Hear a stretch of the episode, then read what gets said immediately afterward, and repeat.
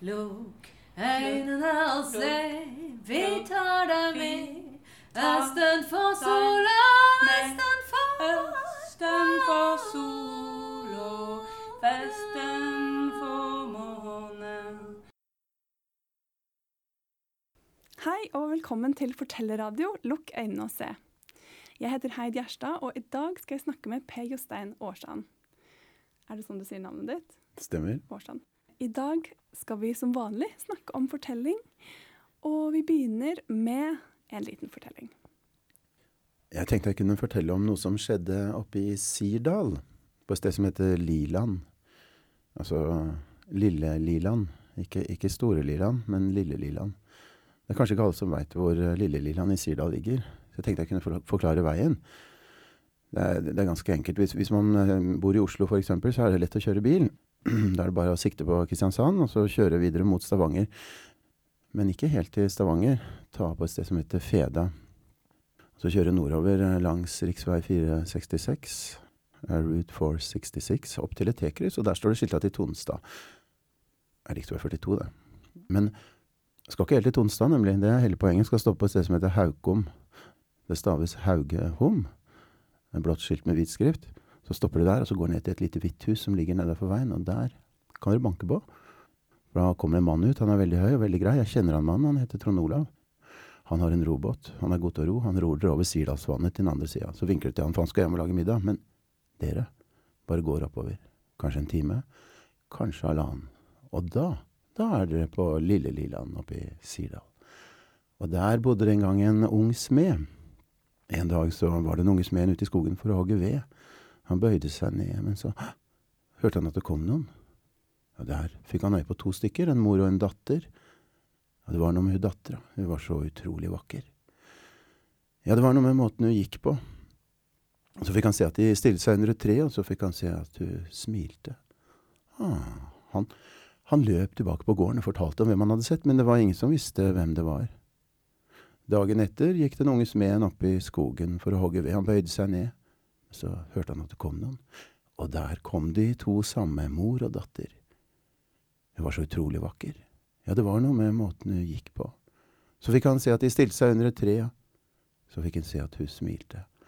Ah, han løp tilbake på gården, fortalte alle folka på gården hvem han hadde sett, men det var ingen som visste hvem det var. Kanskje, var det en som sa, kanskje det er ei huldrejente, ei trolljente. Hvis du tar noe som er lagd av jern og kaster over henne, så er hun din. Den tredje dagen liste han seg opp i skogen, gjemte seg og venta. Han hørte at de kom. Han så de stilte seg under treet. Han reiste seg forsiktig opp, tok øksa, sikta og kasta. Øksa for gjennom lufta, traff treet. Jenta skvatt. Men mammaen hennes så på den unge smeden. Nå er hun din. Er du snill mot henne, skal du bli så rik, så rik, men er du stygg mot henne, skal du angre på ditt svik. Jenta het Barne. Barne blei med den unge smeden tilbake på gården, og Barne og den unge smeden de gifta seg med hverandre. De levde sammen, de spiste sammen, de snakka sammen, de dansa, og de kyssa. Så gikk månedene, og så gikk åra, og den unge smeden han, han syntes ikke maten smakte like godt lenger. Og da barnekona hans, kom og spurte om de ikke kunne snakke litt sammen, så, ja, så syntes han at han hadde sagt det han hadde å si. Da barnet, kona hans, spurte å, kan vi ikke danse, så skjønte han ikke vitsen. Barnet, hun blei mer og mer ensom. Satt inne på kjøkkenet og savna mammaen sin. En dag satt den unge smeden ute i smia og banka på en glødende hestesko. Han hørte at kona hans ropte at middagen var klar, men han brydde seg ikke. Han bare fortsatte å banke på den glødende hesteskoen. Han hørte at kona hans ropte en gang til at middagen var klar, men han brydde seg ikke, bare fortsatte å banke. Han hørte at kona hans ropte en tredje gang. Men han brydde seg ikke. Han merka ikke at døra gikk opp eh, bak han. Han merka ikke at kona hans Barne sto i døra. Han merka ikke at kona hans Barne gikk over rommet og stilte seg bak han. Han merka ingenting før kona hans Barne strakte armen over han og greip tak i den glødende hesteskoen og med bare hendene sine retta Barne, kona hans, ut den glødende hesteskoen, kasta han inn i grua. Sånn, sa barnet. Sånn kunne jeg ha gjort med deg også, hvis jeg ville. Fra den dagen var det som han så kona si som den første gangen. Fra den dagen eh, snakka de sammen, fra den dagen spiste de sammen, fra den dagen dansa de, fra den dagen kyssa de. Så fikk de ei lita jente. Jenta, hun vokste. En dag kom barnet og sa at hun ville smøre salve på øynene til den lille jenta, så hun kunne se besteforeldrene sine igjen. Jeg tror ikke du skal gjøre det, sa den unge smeden, for da ville hun ikke være menneske lenger. Og barnet, hun lot være. Og så fikk de to mange barn sammen. Og det er noen som mener at det fortsatt fins etterkommere etter de to der oppe i Sirdal. Og hvis dere ser litt nærmere etter på han som ror dere tilbake, han Trond Olav, da vil dere se at det er noe med han også. Det hun kastet det inn i, hva er det? Ei grue. Grue? Det er et ildsted, eller Ja. OK, det var Mm. der mm. ilden var. Ja. Det, den historien kommer fra en forestilling som uh, du har laget. Den har flere navn. Den heter Agderfolk, eller eh, Østfolk i Vest-Agder. Det er tre folkemusikere. Uh, Vega Vårdal som spiller fiolin, Åsmund Reistad som spiller gitar, og Linn Andrea Fugleseth som synger. Uh, De har funnet folkemusikk musikk fra Vest-Agder, og så har jeg funnet eh, historier.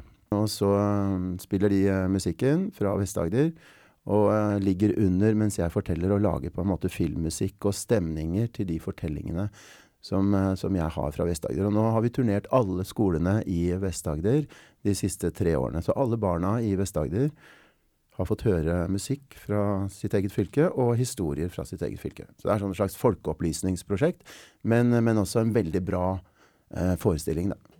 Ja. Og hvordan var det du gikk fram da du skulle finne disse historiene? Du, eh, jeg har jo snakka med folk som har greie på historier fra Vest-Agder, og så har jeg lest eh, mange bøker. Både bygdebøker og eh, andre samlinger, da. Så, så det er ganske stor jobb. Så jeg har vært på, på, på, på, på, Nasjonalbiblioteket. Nasjonalbiblioteket. Ja, Mm, og funnet ja. historier der, da. Bygdebøker og sånn. Så, så det okay, litt så det ligger eventyr i bygdebøkene. Det ligger mange myter og, og sagn, da. Så dette her er sånn slags eh, sagn fra Sirdal. Mm. Og så har jeg fortalt et eventyr fra Søgne. Mm. Eh, Så det er litt spredd utover i fylket. Så uansett hvor vi er i fylket, så er det ikke så langt til nærmeste historie, har jeg tenkt. Så det, ja. Eh, og akkurat denne, hvor var det denne kom fra? Det, det var i en bygdebok, um, en bygdebok Mm. eh, fra Sirdal, rett og slett. En liten, kort historie som jeg har bygd ut litt, grann, da, Mm. og fargelagt. Og, og, ja. Så Så det er, det er veldig morsomt. Det er fint å fortelle barna, det er jo spennende. Og så er det, tenker jeg også, det er en sånn eh, ekteskapsrådgivning da, for de eh, lærerne som er på forestillingene. Ja, de barna skal jo vokse opp en gang. Ikke sant. Så der lærer de å oppføre seg. Så hvordan var det du ble interessert i fortelling? Oh, det er et stort spørsmål. Mm, Fordi um, jeg tror uh, som barn så, så likte jeg jo som de fleste barn å høre de voksne fortelle. Når de voksne forteller, så er det, det, er en, det er ganske enkelt å følge fortellinger. Når de voksne diskuterer og snakker sammen, så er det mye vanskeligere å følge med. Så, så det var en måte å være sammen med de voksne på som jeg syntes var veldig fin. Da. Så vokste jeg opp eh, etter hvert og hadde kamerater som var gode til å fortelle. Men sjøl var jeg kanskje litt sjenert. Altså, jeg kunne snakke om mange ting, men jeg var ikke så god til å fortelle. Så plutselig en dag så skjønte jeg at jeg Jeg skjønte kanskje at at jeg nesten Jeg, jeg følte meg nesten som uh, handikappa. Fordi jeg ikke ikke var noe god til å fortelle, til å uttrykke meg. Altså, så jeg, jeg, brant, jeg følte at jeg brant inne med historier. Så jeg tenkte at jeg, jeg må lære meg å fortelle. Og så begynte jeg på dramateater på Høgskolen i Oslo, og tok det med dramaturgi. da. Og så var det et lite kurs som het fortellerkunst etter hvert. Så jeg begynte på det, og så skjønte jeg at, det, at jeg likte det veldig godt. da.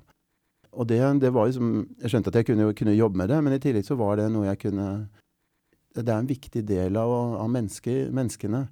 Det å kunne fortelle om hva vi har gjort, det er en måte å uttrykke oss på, tenker jeg. For hvis ikke så, så får vi ikke vist de andre hvem vi er. Hmm. Var det rundt da at du oppdaget at det kunne bli en jobb? Ja, etter at jeg gikk ut av fortellerkunststudiet, så, så begynte jeg jo å, å jobbe med, med fortelling. Jeg hadde en liten jobb ved siden av. som eh, liksom var nok til brød og, og hus. Og så, og så har det egentlig balla på seg, da, bare blitt mer. Så de siste åtte åra så har jeg vært fulltidsforteller. og det er jo veldig fint. Og da for de som eh, kanskje ikke vet at det går an å være forteller som fulltidsjobb, hva vil det si? Hvordan ser en slik eh, jobb ut? Vi som, som er frilansere, da, det er jo noen som underviser og, og, og har sånn stillinger, faste stillinger, men vi som bare er frilansere, vi eh, jobber jo mye i Den kulturelle skolesekken. Så det fungerer på den måten at vi lager forestillinger, og så dokumenterer vi de forestillingene med video og forskjellige ting, og så søker vi de inn til de forskjellige fylkene, som har søknadsfrist på høsten, oktober-november. Og så leser fylkene og ser på søknadene, og så ringer de oss i februar-mars og sier at vi vil gjerne ha forestillingen din på turné i vårt fylke i, eh, i to eller fire uker, f.eks. Og så, sånn er det. Så gjelder det å prøve å fylle opp eh, året, da. Så det er like spennende hver gang vi kommer til med februar og mars, for å se om vi har jobb neste år, da. Sånn er det jo. Ja, ja. Mm. Og det har vært i åtte år. Ja, Hva er det som kjennetegner fortelling som spesifikk formidlingsform? når vi forteller, så, så skapes jo eh, eh, bildene inni hodet på den som hører eh, fortellingen. I forhold til uh, på teatret, f.eks., hvor man viser fortellingen. sånn at da ser jo alle den samme fortellingen på teatret. De samme bildene. Mens uh, når man uh, hører en fortelling, så, um, så får jo alle de som hører en fortelling, forte forskjellige bilder eller film inni hodet. Så for meg handler det om å skape gode bilder, da. Sånn at de som hører på, kan leve seg inn i det jeg forteller. Så mm, det tror jeg er forskjellen på teater og, og fortelling. Det passer jo egentlig ekstra bra til radio. Selvfølgelig er det jo sikkert fint å, å, at man har publikum der, men eh, når man hører gjennom radio, så er man helt fri til å skape de bildene. Mm. Det er ikke noe som hindrer en. Mm. Ja. Men det er klart, de bildene, de, eh, det å fortelle på radio og det å fortelle foran et publikum er to forskjellige ting. Fordi de bildene påvirkes jo også av publikum man forteller til. Så det, det, det, det er sånn fram og tilbake. Eh, når du forteller, så, så blir du påvirka, og det du forteller eh, forandres alt ettersom hvem som hører på. Så sånn sett så er det som en ny fortelling hver dag. da. Det er aldri det samme. Ja. Så det er veldig spennende. Og det er liksom fortellerens jobb, da, å åpne seg opp for det som kan skje uh, i, i møte med publikum. Ja. ja. Bortsett fra dette med å gi bildene, hva er det man kan oppnå med fortelling? Ja, det Det er liksom det er vanskelig å, å snakke eh, kort om. Altså, på noen måter så vil jeg bare at, eh, at tid og rom skal opphøre. At vi skal gå inn i noe sammen. At vi skal lytte til noe. At vi skal brøle av latter sammen. At vi skal, eh, at vi skal gråte sammen. Så det er en veldig fin måte å være sammen med andre på. Samtidig som det, det, det minner oss kanskje Jeg vil jo kanskje at vi skal minnes på noe som vi allerede veit inni oss. da. At det er, det er en del av eh, Når du forteller noe, så så handler det om å liksom få kontakt med et eller annet eh, inni seg. da. Og Det kan være noe morsomt eller noe mm, andre følelser. da. Men kanskje det å få kontakt med, med følelsene sine på en eller annen måte. Eh, ja, berøre Berøre de som hører på, på forskjellige måter. Ja, jeg kjente jo på da hun kom bak han, Mm. og eh, så skjønte jeg Så kjente jeg liksom at Å, jeg håper dette kommer til å gå bra. Ja. Men jeg kjente jo også på at Å, kanskje det ikke går bra, fordi at nå har han vært litt fjern. Mm. Og sånn skjer av og til Mm. eh, i livet. Mm. Men når jeg forteller den historien for, eh, for små barn, så er akkurat det, det punktet der er litt sånn spennende. Ikke sant? Det er det. Og så når jeg forteller det, så står jeg ofte på et tregulv i en gymsal. Og akkurat idet hun griper eh, den hesteskoen, så smeller jeg til med beina, sånn at det kommer et smell i gulvet. Og så jeg, lager jeg en lyd inn i mikrofonen. Sånn. Sånn at alle 160 i den salen hopper på stolene og skvetter. Og så ler de veldig etterpå fordi de ble skremt. Sånn at det, det er en sånn slags comic relief, egentlig, ut av den, der, eh, den, den spenningen, da. Tension, ikke sant. Mm. Og da blir de veldig glad, da. På, når de, og når de skjønner det går bra òg. Mm. At de har vært skremt litt, og så går det bra. Du gir han en sjanse til. Ja. Ikke sant? Og eh, hun viser seg fram, da. Hun viser kraften sin, han, eh, så han ser henne på en måte på nytt. da. Ja. Det er vel sånn det er kanskje noen ganger, at vi, vi sovner hen og går inn i dvale og i rutiner og vaner. ikke sant? At vi trenger å vekkes litt. Grann. Ja, og så forteller ikke du bare eh, folkeeventyr. Forteller også fra det virkelige liv, både ditt eget og, og andres. Jeg forteller jo egentlig mest fra virkeligheten. da. Jeg forteller eh, historier fra min egen oppvekst. Jeg forteller om, eh, om hunden jeg hadde da jeg var liten, som het Rocky. Og nå i de siste året har jeg fortalt veldig mye fra andre verdenskrig. En utrolig eh, historie om Carl Fredriksens transport.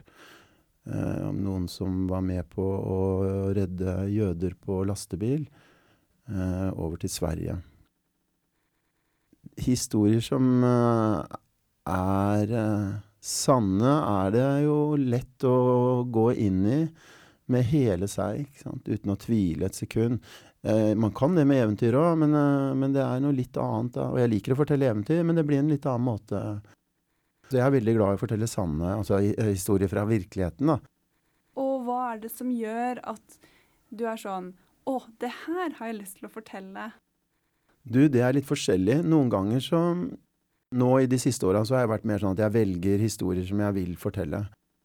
Før så, så fikk jeg jo noen historier. Kan du fortelle denne? Og så leste jeg historien og tenkte nei, den her kan jeg ikke fortelle. Men så leste jeg den igjennom noen ganger, så tenker jeg jo, her er det noen muligheter. Eh, Hvis jeg bare fargelegger litt ekstra der, fargelegger litt der, så lager jeg det til en historie som blir min. Det handler om å gjøre alle historier til sine egne, og tro på de, sånn at det blir dine, da. Og du kan fortelle de uten å nøle. Mm, og det er jo på en måte enklere med historier fra virkeligheten, ikke sant? som er altså, sanne i anførselstegn. Fordi alle historier er jo farga av den som forteller de. Jeg, har lyst, jeg vil gå etter de historiene som brenner for meg, da. Og, og i det siste har det i hvert fall vært uh, de historiene som jeg liksom møter. Mm. Og, og den fra andre verdenskrig, der er det jo ikke noe som er fra ditt eget liv, Nei. men det er noen andre sine liv. Mm. Og hvordan er det du da jobber med det materialet for å gjøre det ditt? Du må på en måte bli kjent med de menneskene du skal fortelle om. Da. Jeg måtte jobbe lenge med den historien der. Uh, og nå føler jeg jo at jeg kjenner de jeg forteller om, og når jeg skal være de i fortellinga, så uh, tviler jeg ikke lenger på at, de, at, er, at det er sånn, da. Mm. Så jeg tror det handler om å bare jobbe seg inn i, i det man forteller om, da, og åpne seg for det stoffet.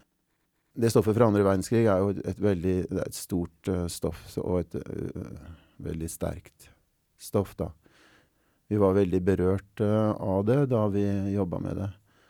Så vi, vi gråt i, i flere måneder mens vi jobba med det stoffet, fordi det handler jo om andre verdenskrig, og det handler om det som skjedde. Og det handler om eh, det som skjedde med jødene, så eh, det har vært en veldig sterk eh, prosess, da. Og hvem er det du har jobbet med? Du, eh, jeg har fortalt den historien nå med, med Solfrid Molland, en musiker som synger og spiller trekkspill og synger jødiske sanger. Eh, så fikk vi hjelp av en regissør som heter Kjersti Haugen. Og så var Janne Rønningen, eh, tidligere standup-komiker, med å jobbe ut teksten. I tillegg til at jeg snakka med veldig mange mennesker da, som, eh, som kunne fortelle meg om den historien. Så jeg snakka jo med etterkommerne etter de vi forteller om. Mm. Altså barna til de og, og mange andre da, som har forska på den historien, og som kan mye om den. Mm. Så jeg føler på en måte at jeg har eh, jeg, jeg kan veldig mye om den historien. Samtidig som jeg jo forteller det mm, sånn som jeg forteller det. Så det blir jo på en måte min versjon av den historien, da. Mm. Mm. Tidlig om eh, morgenen, 27. oktober 1942, kom eh, gartner Rolf Syversen til gartneriet sitt på Carl Berner. Han eh, gikk inn i drivhuset. Plutselig så hørte han en lyd. Bak noen paller så reiste det seg opp fire unge menn. Han kjente dem igjen med en gang. Det var de fire brødrene London. Tre av gutta drev skraphandel nede i gata. Syversen sa den eldste av brødrene. Du må hjelpe oss. De har tatt faren vår. De arresterer alle mannlige jøder. Du må hjelpe oss. Vi må vekk. Slapp av, sa gartneren. Det er klart jeg skal hjelpe dere. Han sa det. Det er litt sprøtt at han sa det, fordi eh, han var jo ikke dum. Han visste at det var farlig. Han visste at det var dødsstraff for å hjelpe jøder. Sett dere ned, fortell meg hva som har skjedd, sa gartneren. Ti minutter seinere så gartneren på de fire brødrene, dere gjemmer dere her inne, jeg skal få sendt noen med mat til dere, og så skal jeg se hva jeg kan gjøre. Et døgn seinere kom det kjørende en lastebil ned til eh, gartneriet. Ut av førerdøra hoppa det en sprek mann i begynnelsen av 30-åra. Gikk bort til gartneren. Hvor er gutta? Gartneren ga et lite vink med hånda, og ut av drivhuset kom de fire brødrene. Gikk bort til gartneren, tok den i hånda. Takk, Rolf, sa den eldste. Rolf Sivertsen, du er en mensch. Du er et menneske. Så tok han hånda i baklomma og dro opp en bunke sedler. Pass på skraphandelen til vi kommer tilbake. Og husk på den skatten vi fortalte om. Han blunka. Så hoppa de fire brødrene opp på lasteplanet gjemte seg under presenninga. Så begynte lastebilen å kjøre oppover bakken. Gartneren sto og så lastebilen forsvinne over bakketoppen. Så låste han drivhuset og begynte å gå hjemover. På hjemveien så lyste avisoverskriftene fra butikkvinduene. Jødisk eiendom konfiskeres. Ny lov. All jødisk eiendom beslaglegges. To dager seinere sto gartneren i døråpninga hjemme i leiligheten sin på Sagene. Han sto og klappa kona si Klara på den voksne magen. Takk, Klara, sa gartneren. Takk, jeg skal, jeg skal si det som det er, jeg skal gjøre som du sa, jeg skal si det som det er. Og like etterpå så satt han nede på kontoret til advokaten som hadde ansvaret for all beslaglagt jødisk eiendom i Oslo. Jeg kommer for skraphandelen på Carl Berner, sa gartneren. Jeg vil kjøpe Brødrene London. Ja, for å si det som det er, så, så kjenner jeg de gutta. Jeg har fått dem over til Sverige. Sivertsen, sa advokaten som var medlem av NS. Du veit det er dødsstraff for å hjelpe jøder? Men, eh, men det er jo for jævlig, sa advokaten. Det er jo for jævlig. Du aner ikke mange fortvilte jødiske familier jeg har møtt de siste dagene. Familier som har mista alt de eier. De neste 14 dagene fikk gartneren eh, kjøpt skraphandelen, og han var ofte oppe hos eh, familien London, søstrene og foreldrene til de fire brødrene. For faren han slapp ut av fengsel etter noen dager. Men så kom 26. Eh, november 1942. Det vil si utpå ettermiddagen den 25. november begynte det å gå rykter i Oslo om at det var noe som holdt på å skje fordi alle drosjeeierne hadde fått beskjed om å møte på en bestemt adresse neste natt, og mange politifolk den samme beskjeden.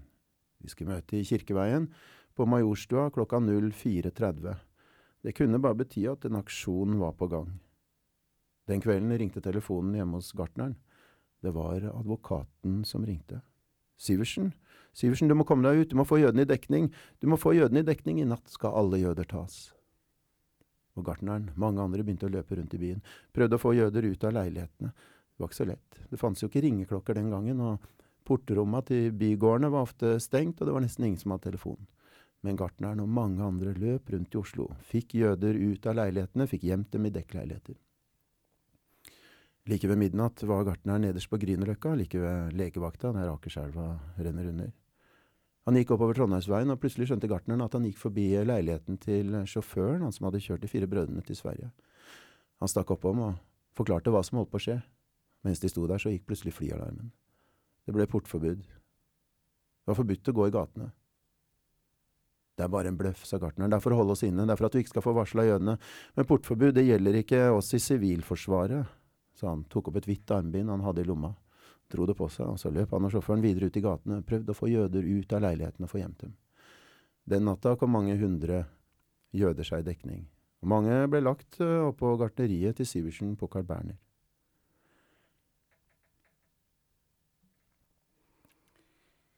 Ja. Det er en forestilling som varer en time. Ja. ja. ja. Da fikk dere en smakebit av den forestillingen. Det er eh, Per Jostein Aarsand som har denne forestillingen, sammen med Solfrid Molland og um, etter hvert uh, Torunn Stavseng, som spiller cello. da. Så Hun skal alternere med Solfrid.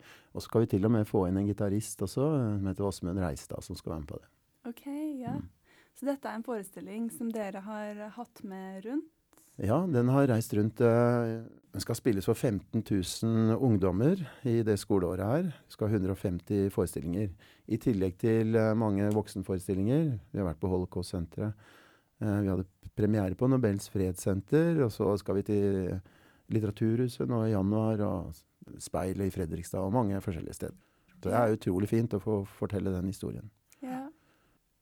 Da hadde jeg jo tenkt å spørre hva forskjellen er på å, å, fortelle en sånn forestilling, og at folk får lese på en måte tilsvarende informasjon. Jeg føler at etter at folk har hørt det her, så er det nesten litt overflødig. Mm. Uh, men, men, har du kanskje lyst til å si litt om den forskjellen? Mm. Altså jeg tror jo Det her er fortelling om musikk. da, Musikken er med på å fargelegge og forsterke det veldig. Så jeg tror man får en, en, mye større opplevelse når det er fortelling med musikk. I tillegg så, så, er det jo noe levende som skjer der. da. De, de, som sitter og hører på, blir berørt av den historien. Og vi som forteller, blir jo berørt uh, av historien. Sånn at det oppstår et eller annet sånn felles inni den salen når vi, når vi har forestilling.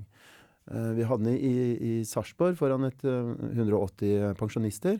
Og det ble en veldig sterk forestilling. Og etterpå så kom uh, Eh, flere av pensjonistene borte og sa at eh, noe av det som gjorde det så sterkt, var at vi så at dere blei berørt av det dere fortalte. Det er jo forskjellen på å lese noe sjøl og, og, være i en slags sånn felles, uh, felles puls, da. Mm. Når, når, alle opplever det samme. Da, ja. da, skjer det et eller annet. Og det er noe forsterkende, ikke sant? Ja. Altså, jeg, har, jeg er ikke forteller selv, men jeg har uh, holdt uh, forelesning for et stort publikum. Mm. Og da opplevde jeg helt overraskende mm at jeg selv ble mm. ikke i stand til å fortsette fordi mm. at jeg gråt. Fordi mm. at jeg snakket om en sånn tragedie som skjedde i 2013. Mm. Og det kom helt overraskende på meg, fordi jeg hadde jo jobbet med stoffet ja, ja. lenge, og uh, jeg trodde at det var helt OK. Mm. Men av en eller annen grunn, det at det var så mange som uh, hørte på og mm. fulgte med For det hadde jo vært en annen del av det var jo morsomt, og så lo de, ikke sant? Så de var jo med. Men, um, Men det handler kanskje litt om at du gir litt slipp sjøl. Altså du åpner deg litt for det som kan skje, skje, der. Og så plutselig så går det den veien. Og så fordi du da ja, er liksom klar og åpen, åpen da, så, ja, så, blir man eh, tatt av det som skjer i øyeblikket. Mm. Og det tror jeg det er veldig fint, da. Men det er klart, eh, man må ikke miste kontrollen helt. Men samtidig så tror jeg kanskje mange er redd for det, da. Mm. Og holder mer fast i, i, det de gjør, enn det de trenger. Mm. Mm. Ja, jeg, ble jo helt satt ut, men eh, det var jo hun som liksom ledet uh, greia. Hun kom med litt vann, og det trengte jo ikke vann, men jeg trengte bare å bli satt inn igjen. Mm. Ja, ja. så gikk det jo bra. ja Men det er klart, uh, på teatret så lærer man at man skal ikke gråte for publikum. Det er publikum som skal gråte. Mm. du skal ikke stjele, stjele følelsene til publikum. Men, uh, men, jeg tror at man kan jo I hvert fall med fortelling så tror jeg det handler om å være et menneske som forteller en historie, da. Ja, og da skjer det som skjer. Ja, det her var jo mm. akademisk kontekst, så man ja. skal jo uh, Man kan være et, et, menneske i en akademisk kontekst òg. Ja. Tror jeg det mange som glemmer det noen ganger, og bare vil presentere sånn, fakta, da. Og, og, snakke til hjernen, ikke sant. Så ja. Vi vil jo åpne hjertene våre, da, og til publikum. Mm. Ja, for det er jo mange som Det er selvfølgelig de profesjonelle fortellerne, mm. men så er det jo mange f.eks. lærere eller bibliotekarer eller prester eller mange som har forskjellige typer jobber, som også bruker fortelling mm. i arbeidet sitt eh, med formidling. Radio Rakel er jo en feministradio, så jeg spør alltid om kjønn. Er det et kjønnsperspektiv i det du forteller? F.eks. For den fortellingen som du, nå, som du fortalte først, mm. om, eh, fra Sirdal. Det er sånn, det kan si oss noe om mm. relasjoner i et forhold, da. Ja, eh, det tror jeg nok. altså Bare i kraft av å være menneske og at jeg er mann, da, så, så fargelegger jeg historiene som mann. Og jeg prøver jo å finne ut hva slags spenning det er i de forskjellige historiene, og forsterke de spenningene. Og mange ganger så handler jo det om spenninger mellom eh, kjønn. Jeg, har lagt merke til at mange av historiene jeg forteller, har mannlige hovedpersoner. Så det, jeg blir veldig glad når jeg finner noen historier hvor det er eh, damer og kvinner som er hovedpersoner. Og jenter. Men, men eh, sånn av en eller annen eh, grunn, da, eller kanskje det er en grunn at jeg er mann sjøl, så forteller jeg mest om eh, mannlige hovedpersoner. Fordi det er det jeg kjenner best til. da. Jeg kan mest om det å være mann. Men samtidig så er det veldig spennende fordi maskulinitet eh, Altså Som forteller så skal du jo på en måte fargelegge det du forteller. Og sånn som i den historien fra krigen, så forteller jeg om en politi politimann som var veldig myndig. Og da jeg begynte å fortelle, så, så sleit jeg litt med å være, ha den kraften, den maskuline kraften som skulle til da, hos en myndig hovedperson. En hovedperson som bare skjærer gjennom alt, og du skjønner at han bestemmer i rommet. Sånn at han er sjefen. Og det syns jeg det er spennende å jobbe med, da. For min egen del, da. Fordi eh, nå syns jeg det er mye lettere. Nå kan jeg være han karakteren i den historien. Jeg kan fortelle med stemmen hans, sånn som jeg mener han snakker. Og høres troverdig ut. Men da jeg begynte å fortelle, fikk jeg ikke til det helt. Ja, da hadde jeg ikke den der kraften som skulle til, da. Mm. Så det er et møte med forskjellige aspekter Mm. av, uh, av det å være mann. Fordi at de karakterene er jo eller de Mm. som kommer fram i historien, er jo forskjellige. Mm, mm. Ja. Det samme handler jo om I den fortellinga så er det en ung jente forteller om henne, som er 17 år, men til Sara. Så det handler jo om å prøve å finne henne, da, og bli henne. Og, fargelegge hennes eh, fortelling. Eh, hennes stemme. Hvordan hun, snakker. Altså min stemme som snakker som henne, da. Så det er jo det veldig spennende med fortelling, at man får lov til å, å gjøre så mye forskjellig, da. Og, og være på en måte alle. Jeg er nazisten også. En, offiseren som, som sier 'Heil Hitler' i, og er eh, en overbevist nazist. Så du er alle rollene i en fortelling. Mm. Om å finne alle de eh, stemningene. Ja. Så da er det både det at når du velger hvilken fortelling du skal fortelle, så er det noe som snakker til deg. Mm. Og så er det også det når du jobber med fortellingen, Mm. at du må finne fram til deg i de forskjellige Mm. Som er med i historien. Det er som en skuespiller, egentlig. Bare at eh, når du forteller, da, så forteller du jo gjerne om eh, kanskje åtte-ti karakterer i en, i en historie, og du må prøve å finne alle de, da. Mm. Sånn at eh, det Og du, har, du, er jo din egen regissør. Så det er jo et veldig spennende arbeid, egentlig. Som man bare må finne ut av, og, og som kommer mer og mer på plass etter hvert som man gjør det mange ganger. da. Så plutselig så finner du å nei, han er litt mer sånn. ikke sant? Så skrur du det til eh, den ene og andre veien. Etter 200 forestillinger så kan det plutselig forandre seg. Mm. Ja, og du tenker å nei, hvorfor har jeg gjort det sånn? Det er jo sånn det er. Så det er veldig spennende. Og jeg tenker at det er bare en sånn prosess du må være med på. da. Og tenke at det, det kan skje ting, da. Hvis du gjør det mange ganger. Mm. Ja, og det er vel en sånn frihet som skuespillere ikke får oppleve. Typ at du ville jo aldri blitt bedt om å spille en 17-årig jente mm. hvis du var skuespiller. Nei, det er sant. Og, og en skuespiller må jo gjerne finne ut av alt og ha alt klart i premieren. da, og skal... Men det er klart, det, det, utvikler seg jo selvfølgelig i teater. Og når du har gjort en rolle mange ganger, så er det jo en annen rolle enn den første. Så jeg vet ikke, kanskje det ikke er så stor forskjell. Sånn bare at vi får gjøre mange flere, da. Mm. Ja, og dette med 150 forestillinger i løpet av et år, Ja. det høres helt crazy ut Ja. for meg. Ja. Men hvordan Hva blir det? Liksom annenhver dag? Eller Nei, vi, vi har to forestillinger om dagen i uh, sånn type 15 uker, da, for eksempel. OK. Mm, mm. Ja. Så det er ganske harde dager. For det er en times forestilling, og, og den forestillinga her da, fra krigen er en veldig sterk uh, fortelling. Så eh, det er nesten en sånn renselsesprosess hver dag. Og jeg føler meg helt sånn tom etterpå, men sånn veldig sånn fin eh, På en fin måte, da. Mm. Eh, ja. Hva er det du gjør for å liksom lade opp igjen, eller fylle Jeg tror det, bare handler om å Jeg husker vi hadde forestilling for, for en par uker siden. Altså ett minutt før forestillinga så sa jeg til, til Torunn, da, som da var musiker, at jeg, aner ikke hva vi skal gjøre. Jeg aner ikke hvilken fortelling jeg skal inn og gjøre. Ett minutt før vi begynte. Så nå er jeg helt tom. Jeg aner ingenting. Og så um, er det applaus, og så går vi på, og bang, så, så er vi i gang. Men da er jeg akkurat som da er kroppen bare renska for uh, alt. Liksom eh, eh, Alt er viska ut, og så er du klar igjen, da. Jeg vet ikke om det er noe man gjør, men det, det bare skjer, da. mm. Og så hender det noen ganger at uh, du må lytte litt en, en liten stund før du kommer helt på sporet også. Det skjer jo noen ganger. Mm. Mm.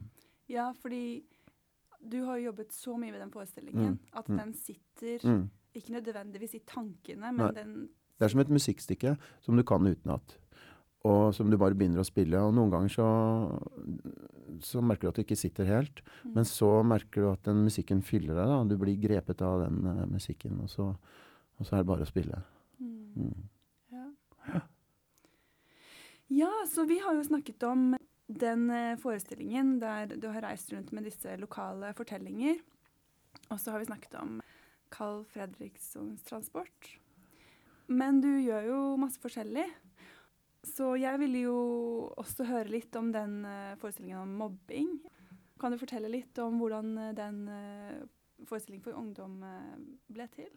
Ja, jeg husker vi skulle ha et jubileum for ungdomsskolen. Og skulle møtes igjen, vi som hadde gått på ungdomsskole sammen. Og da husker jeg at jeg var inne i en sånn periode hvor jeg gikk og tenkte veldig mye over hvem jeg var og liksom, hvordan livet hadde vært. da. Og reflekterte øh, over ungdomsskolen, da, fordi vi skulle møtes igjen. Så tenkte jeg mye på den tida, og, og tenkte at det var nok um, en litt sånn blanda tid, hvor det hadde skjedd mye. Da fikk jeg behov for liksom, å ta et slags oppgjør da, med den tida og, og lage en fortelling. Og det endte opp med å bli en fortelling om en gutt i klassen som ikke hadde det så lett. Ja, Så på en måte var det en slags uh, terapi for min egen del, da, bare for å liksom, finne ut av alt det For den ungdomsskoletida var jo en veldig variert tid. Det skjedde veldig mye rart. Uh, og veldig mange fine ting. Men det skjedde også ting som ikke var så bra.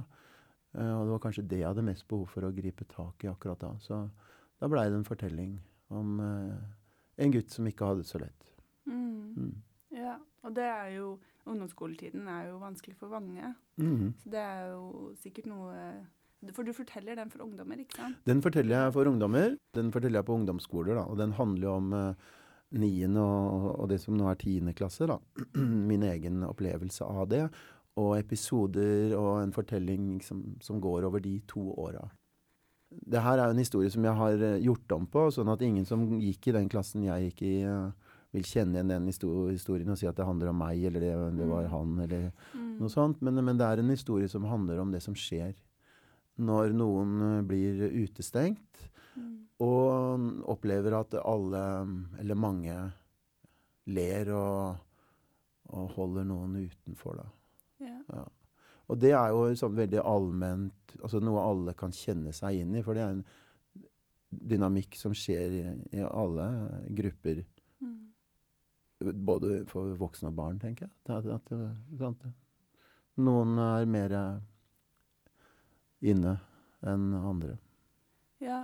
ja, og det oppleves også Eller jeg syns det oppleves jo ofte ekstremt på ungdomsskolen. Mm. Men eh, ja, som du sier, det kan skje når og hvor som helst.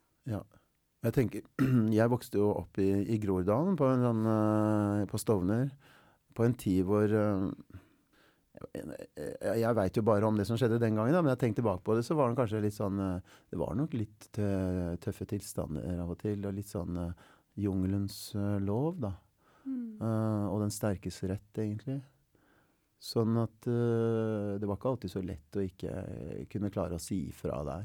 Mm. Så hvis du var eh, litt følsom og sånn, så, så kunne man uh, lett uh, oppleve at uh, Ja, at man falt litt utafor. Ja.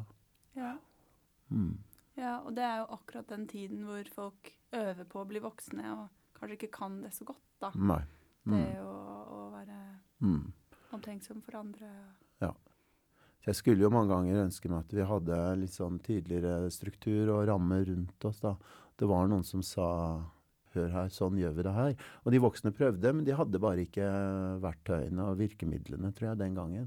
De visste ikke så mye om de skulle, hvordan de skulle gripe det an. ikke sant? De, de prøvde så godt de kunne, men, men jeg kan vel ikke si at de alltid klarte det så veldig godt. Ja, ja og når, når du da forteller det til eh, folk på ungdomsskoler i dag, Mm. merker du responsen, eller hvordan opplever du Ja, jeg merker at det, det er noe som treffer barna. Det var ei som, som skrev etterpå at uh, det ble helt stille i klassen. Og etterpå så hadde det vært helt stille. Ja, og at uh, i friminuttet etterpå så hadde de gått bort til noen i klassen og satt seg med ei jente som uh, alltid satt aleine. Så det, det, det, virker ofte veldig sterkt uh, på de som hører på. Da. Jeg tror de kjenner seg igjen, veldig mange. ikke sant? Fordi det er jo sånn man ikke tenker over så mye små ting man gjør, og sånn, som man plutselig minnes på, da, som, som forstørres litt i, i en fortelling. man skjønner at jøss, ikke sant, det er ja, det skjer hos, hos oss, ikke sant. Eh, hver dag, da. Mm. Mange små ting kan bli til en stor ja. ting, egentlig. Ja, ting som man ikke tenker over. Ting som man bare tenker er uskyldig moro, ikke sant. Som ikke har noe med mobbing å gjøre, eller sånn. Men man tenker ja, det må være lov å ha det litt gøy. Og så Ja, og så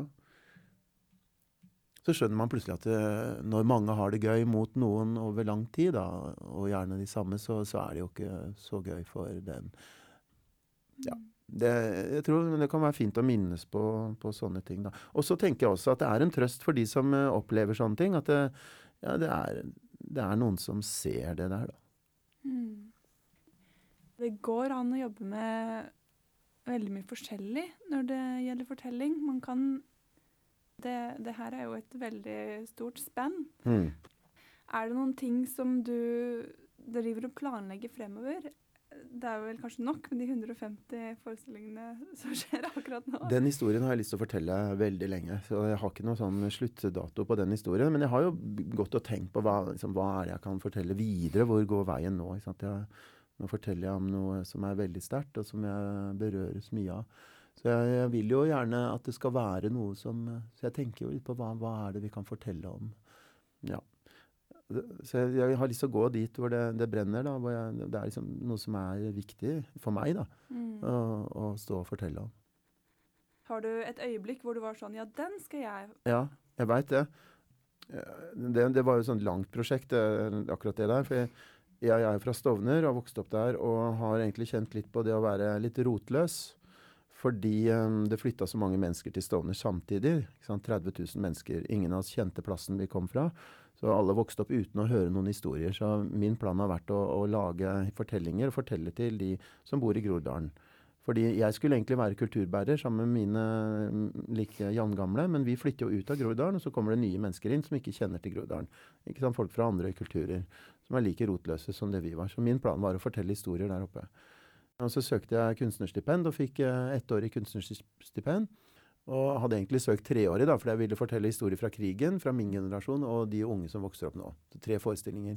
Men så fikk jeg bare ett år, og da det, tenkte jeg da må jeg begynne med krigsfortellingene. da, Så jeg kan begynne å fortelle de. Og så leita jeg etter krigsfortellinger fra Groruddalen, eh, men fant ingen, for det bare var bondeland der oppe. Og så var jeg på et møte, historielagsmøte oppe på Bjerke bibliotek en gang.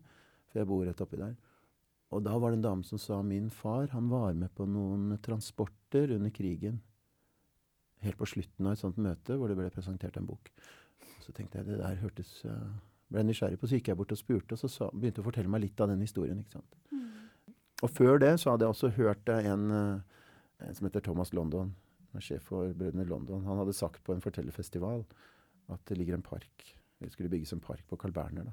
Så jeg plutselig kobla jeg de to historiene, da, og så skjønte jeg at uh, det her er den fortellingen. ikke sant?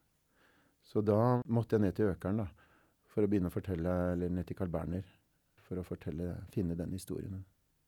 Hva var parken? Nei, det det gartneriet der det hele begynte. Der de fire brødrene gjemte seg den natta alle mannlige jøder skulle tas. ikke sant? Mm. 26. oktober, eller 27. oktober 1942. Det gartneriet det er jo borte, men det ligger en park der som heter 'Dette er et fint sted'. Ja. Men det er en minnepark? Ja, det ligger en park der eh, til minne om det som skjedde den gangen. Men det ligger en park der. Og han som har laga parken, Viktor Victor Lind, han eh, Jeg har vært i parken sammen med han. da. Han har fortalt meg sin historie og hvorfor han bygde parken. Mm. Midt, det er litt spennende, for midt i parken så ligger det en stjerne. Mm. Den har åtte kanter. Mm. Så spurte jeg han Victor Lind, som jo har en slags jødisk bakgrunn, da. Han er av jødisk opprinnelse. Jeg spurte han, Det handler om jødene om andre verdenskrig. Hvorfor har de ikke seks kanter på stjerna? Hvorfor har de åtte? Det er to firkanter satt oppå hverandre, ikke sant? Det, Mm. mens en jødestjerne er jo to trekanter. Jo, sa Victor Lind, han så på meg. Du skjønner det, Per Jostein? Det er fordi det er plass til alle. Og det syns jeg er så fint, så det bruker vi i forestillinga. Det er avslutninga. Mm. OK, men jeg skjønte ikke helt. Mm. Hvorfor representerer den åttekantede stjernen at det er plass til alle? Jeg veit ikke om åtte kanter symboliserer noe, men det er en stjerne Mm. midt i parken. Det kunne ha vært en davidsstjerne. Sånn, ikke sant, en jø- jødestjerne. Nei, ut. dette det er, handler ikke om jødene bare. Mm. Altså, Mm. det, det, det, det som skjedde den gangen mm. Jeg tror han, han, han vil ikke Han vil, han vil at uh, historiene skal være for alle, da. Ja. Og at, eh, at verden skal være for alle. Mm. ja. Man kan jo tenke seg, ikke sant, at, at, som, at, man vil jo snakke om det som skjedde under krigen, og om holocaust og alt det. At det, det handler jo selvfølgelig mye om eh, det som skjedde med jødene og alle de andre. Romfolk og sigøynere og, og det forferdelige som skjedde i, eh, i holocaust. Mm. Men samtidig så er det jo en historie om alle mennesker. Mm. Ja. Ja. Du forteller også for yngre barn. Mm. Det kan sikkert være alvorlig, det også, men uh, kanskje på en litt annen måte. Da tenker jeg på denne forestillingen med den hunden.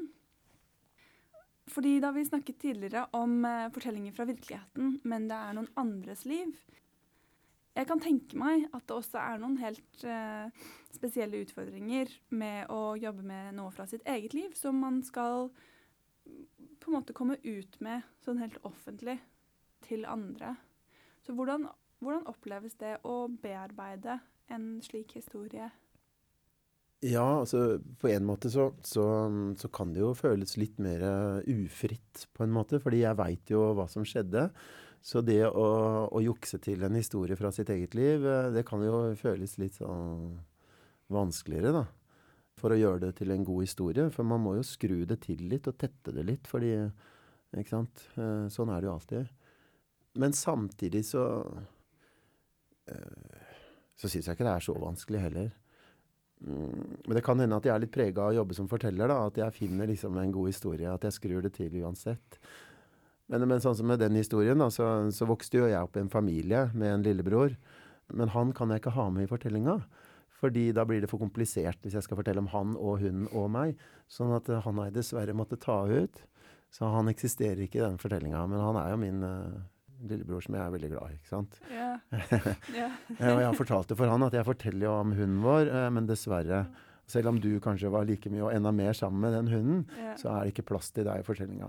ja. Så jeg føler jo kanskje litt sånn ansvar hvis jeg drar inn familiemedlemmer og sånn, og gjør de oppmerksom på at jeg, jeg forteller om dem, da, og at jeg har gjort sånn og sånn, sånne grep. Mm. ja. Mm. Mm. Så, så der ligger det jo et ansvar da, eh, som den som forteller har. Mm. Og det er jo på mange måter et stort ansvar, da, fordi det har jo en kraft eh, det man, eh, når man forteller sånn. Så, så da må man prøve å holde sånn, Ha et eh, så rent hjerte som det går an.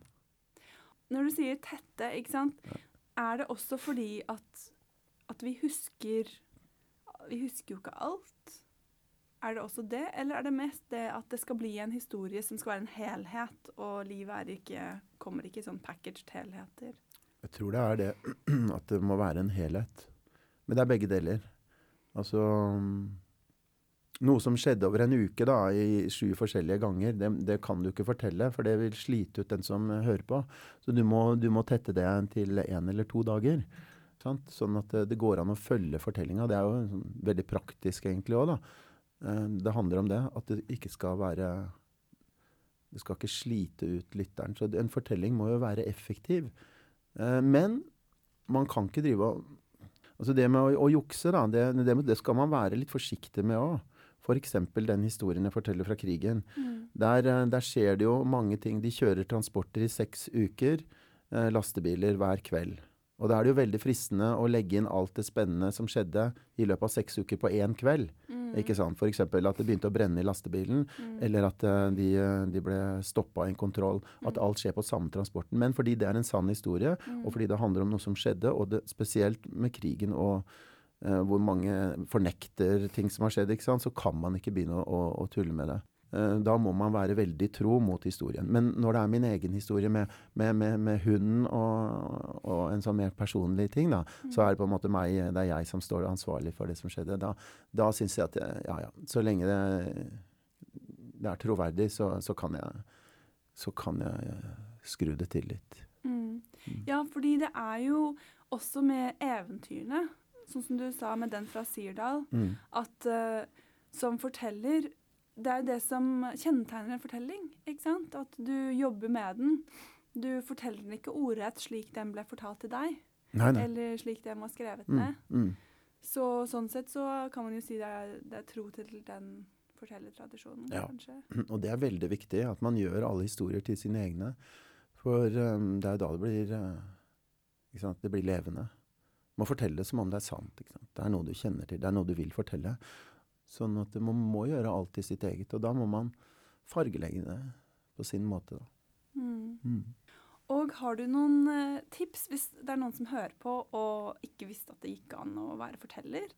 Kanskje sånn som du sa, sitter inne med fortellinger og kanskje ikke helt uh, har fått de ut?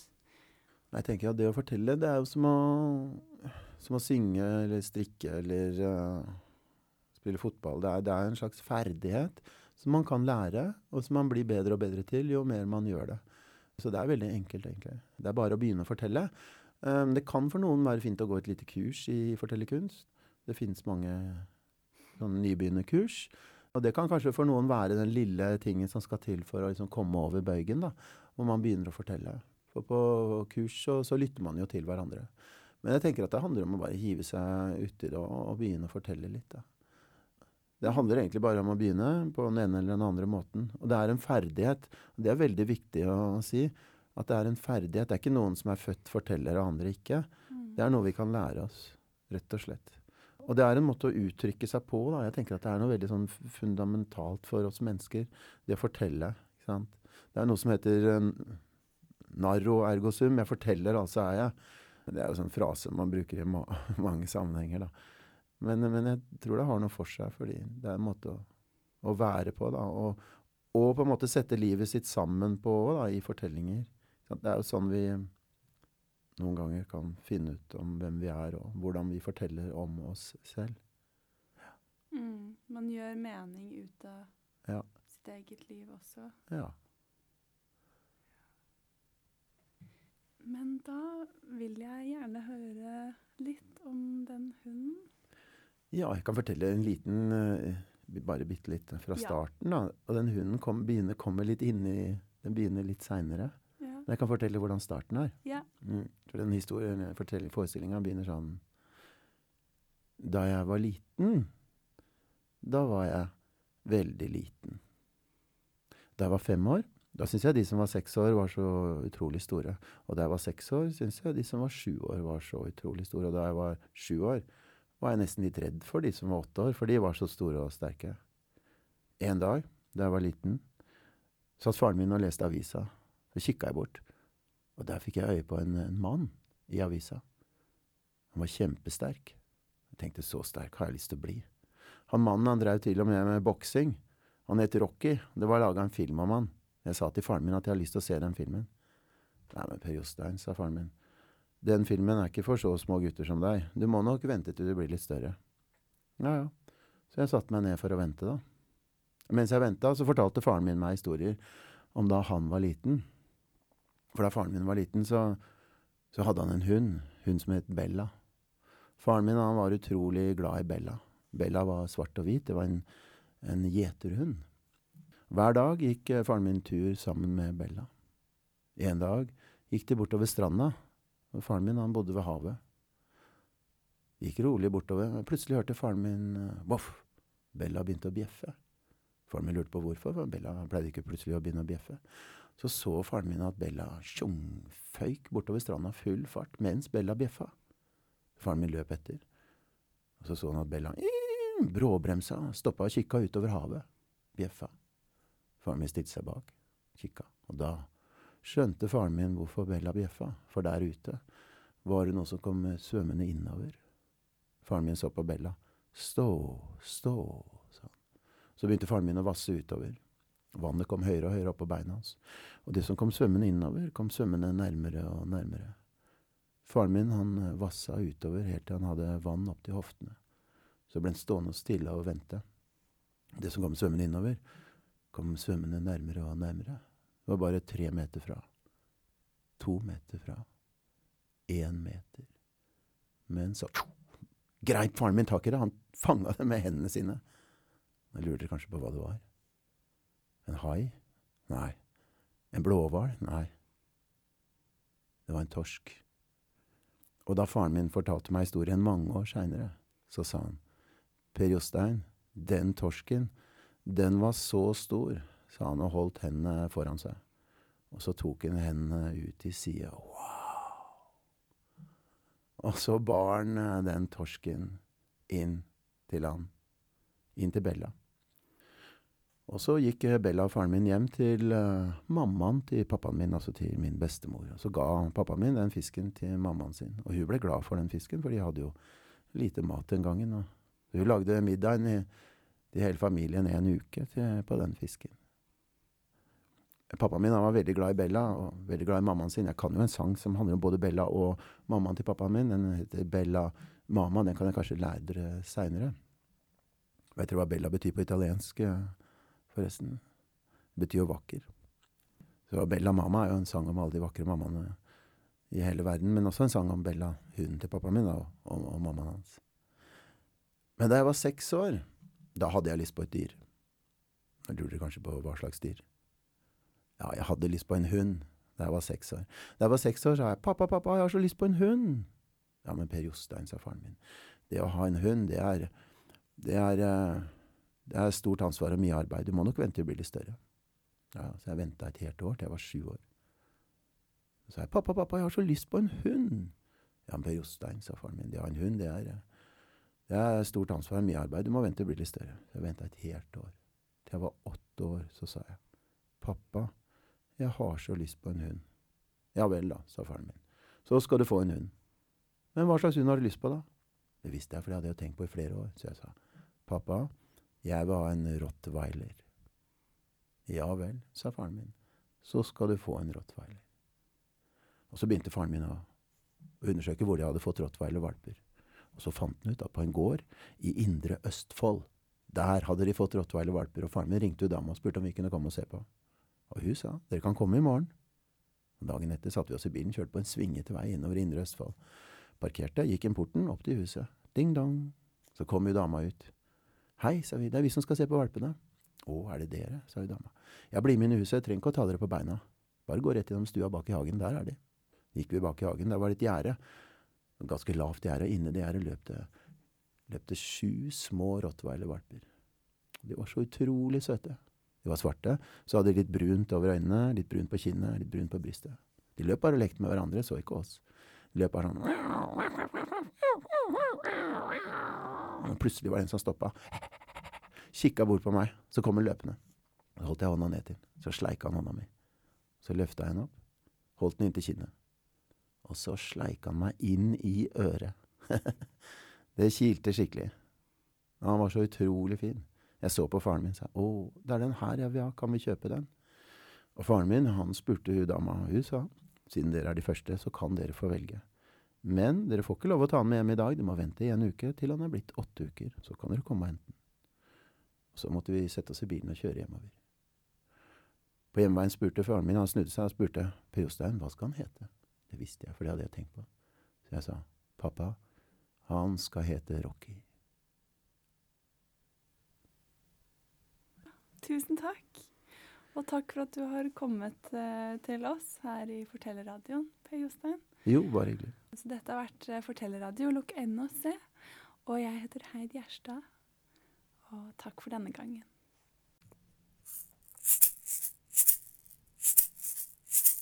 I wanna tell a story and I wanna tell it nice. I wanna tell a story and I wanna break the ice. Give me advice, Give me advice, let me tell it twice, let me tell it thrice. As I look into your eyes, so nice you cry, your eyes shut tight. Fortellerradio er støttet av Kulturrådet, Prosjektstøtte kulturvern og av Oslo kommune. Kjenner du noen du mener er kjempegode til å fortelle? Tips oss gjennom kontaktskjema på fortellerhuset.no, og kanskje også de blir gjest i programmet.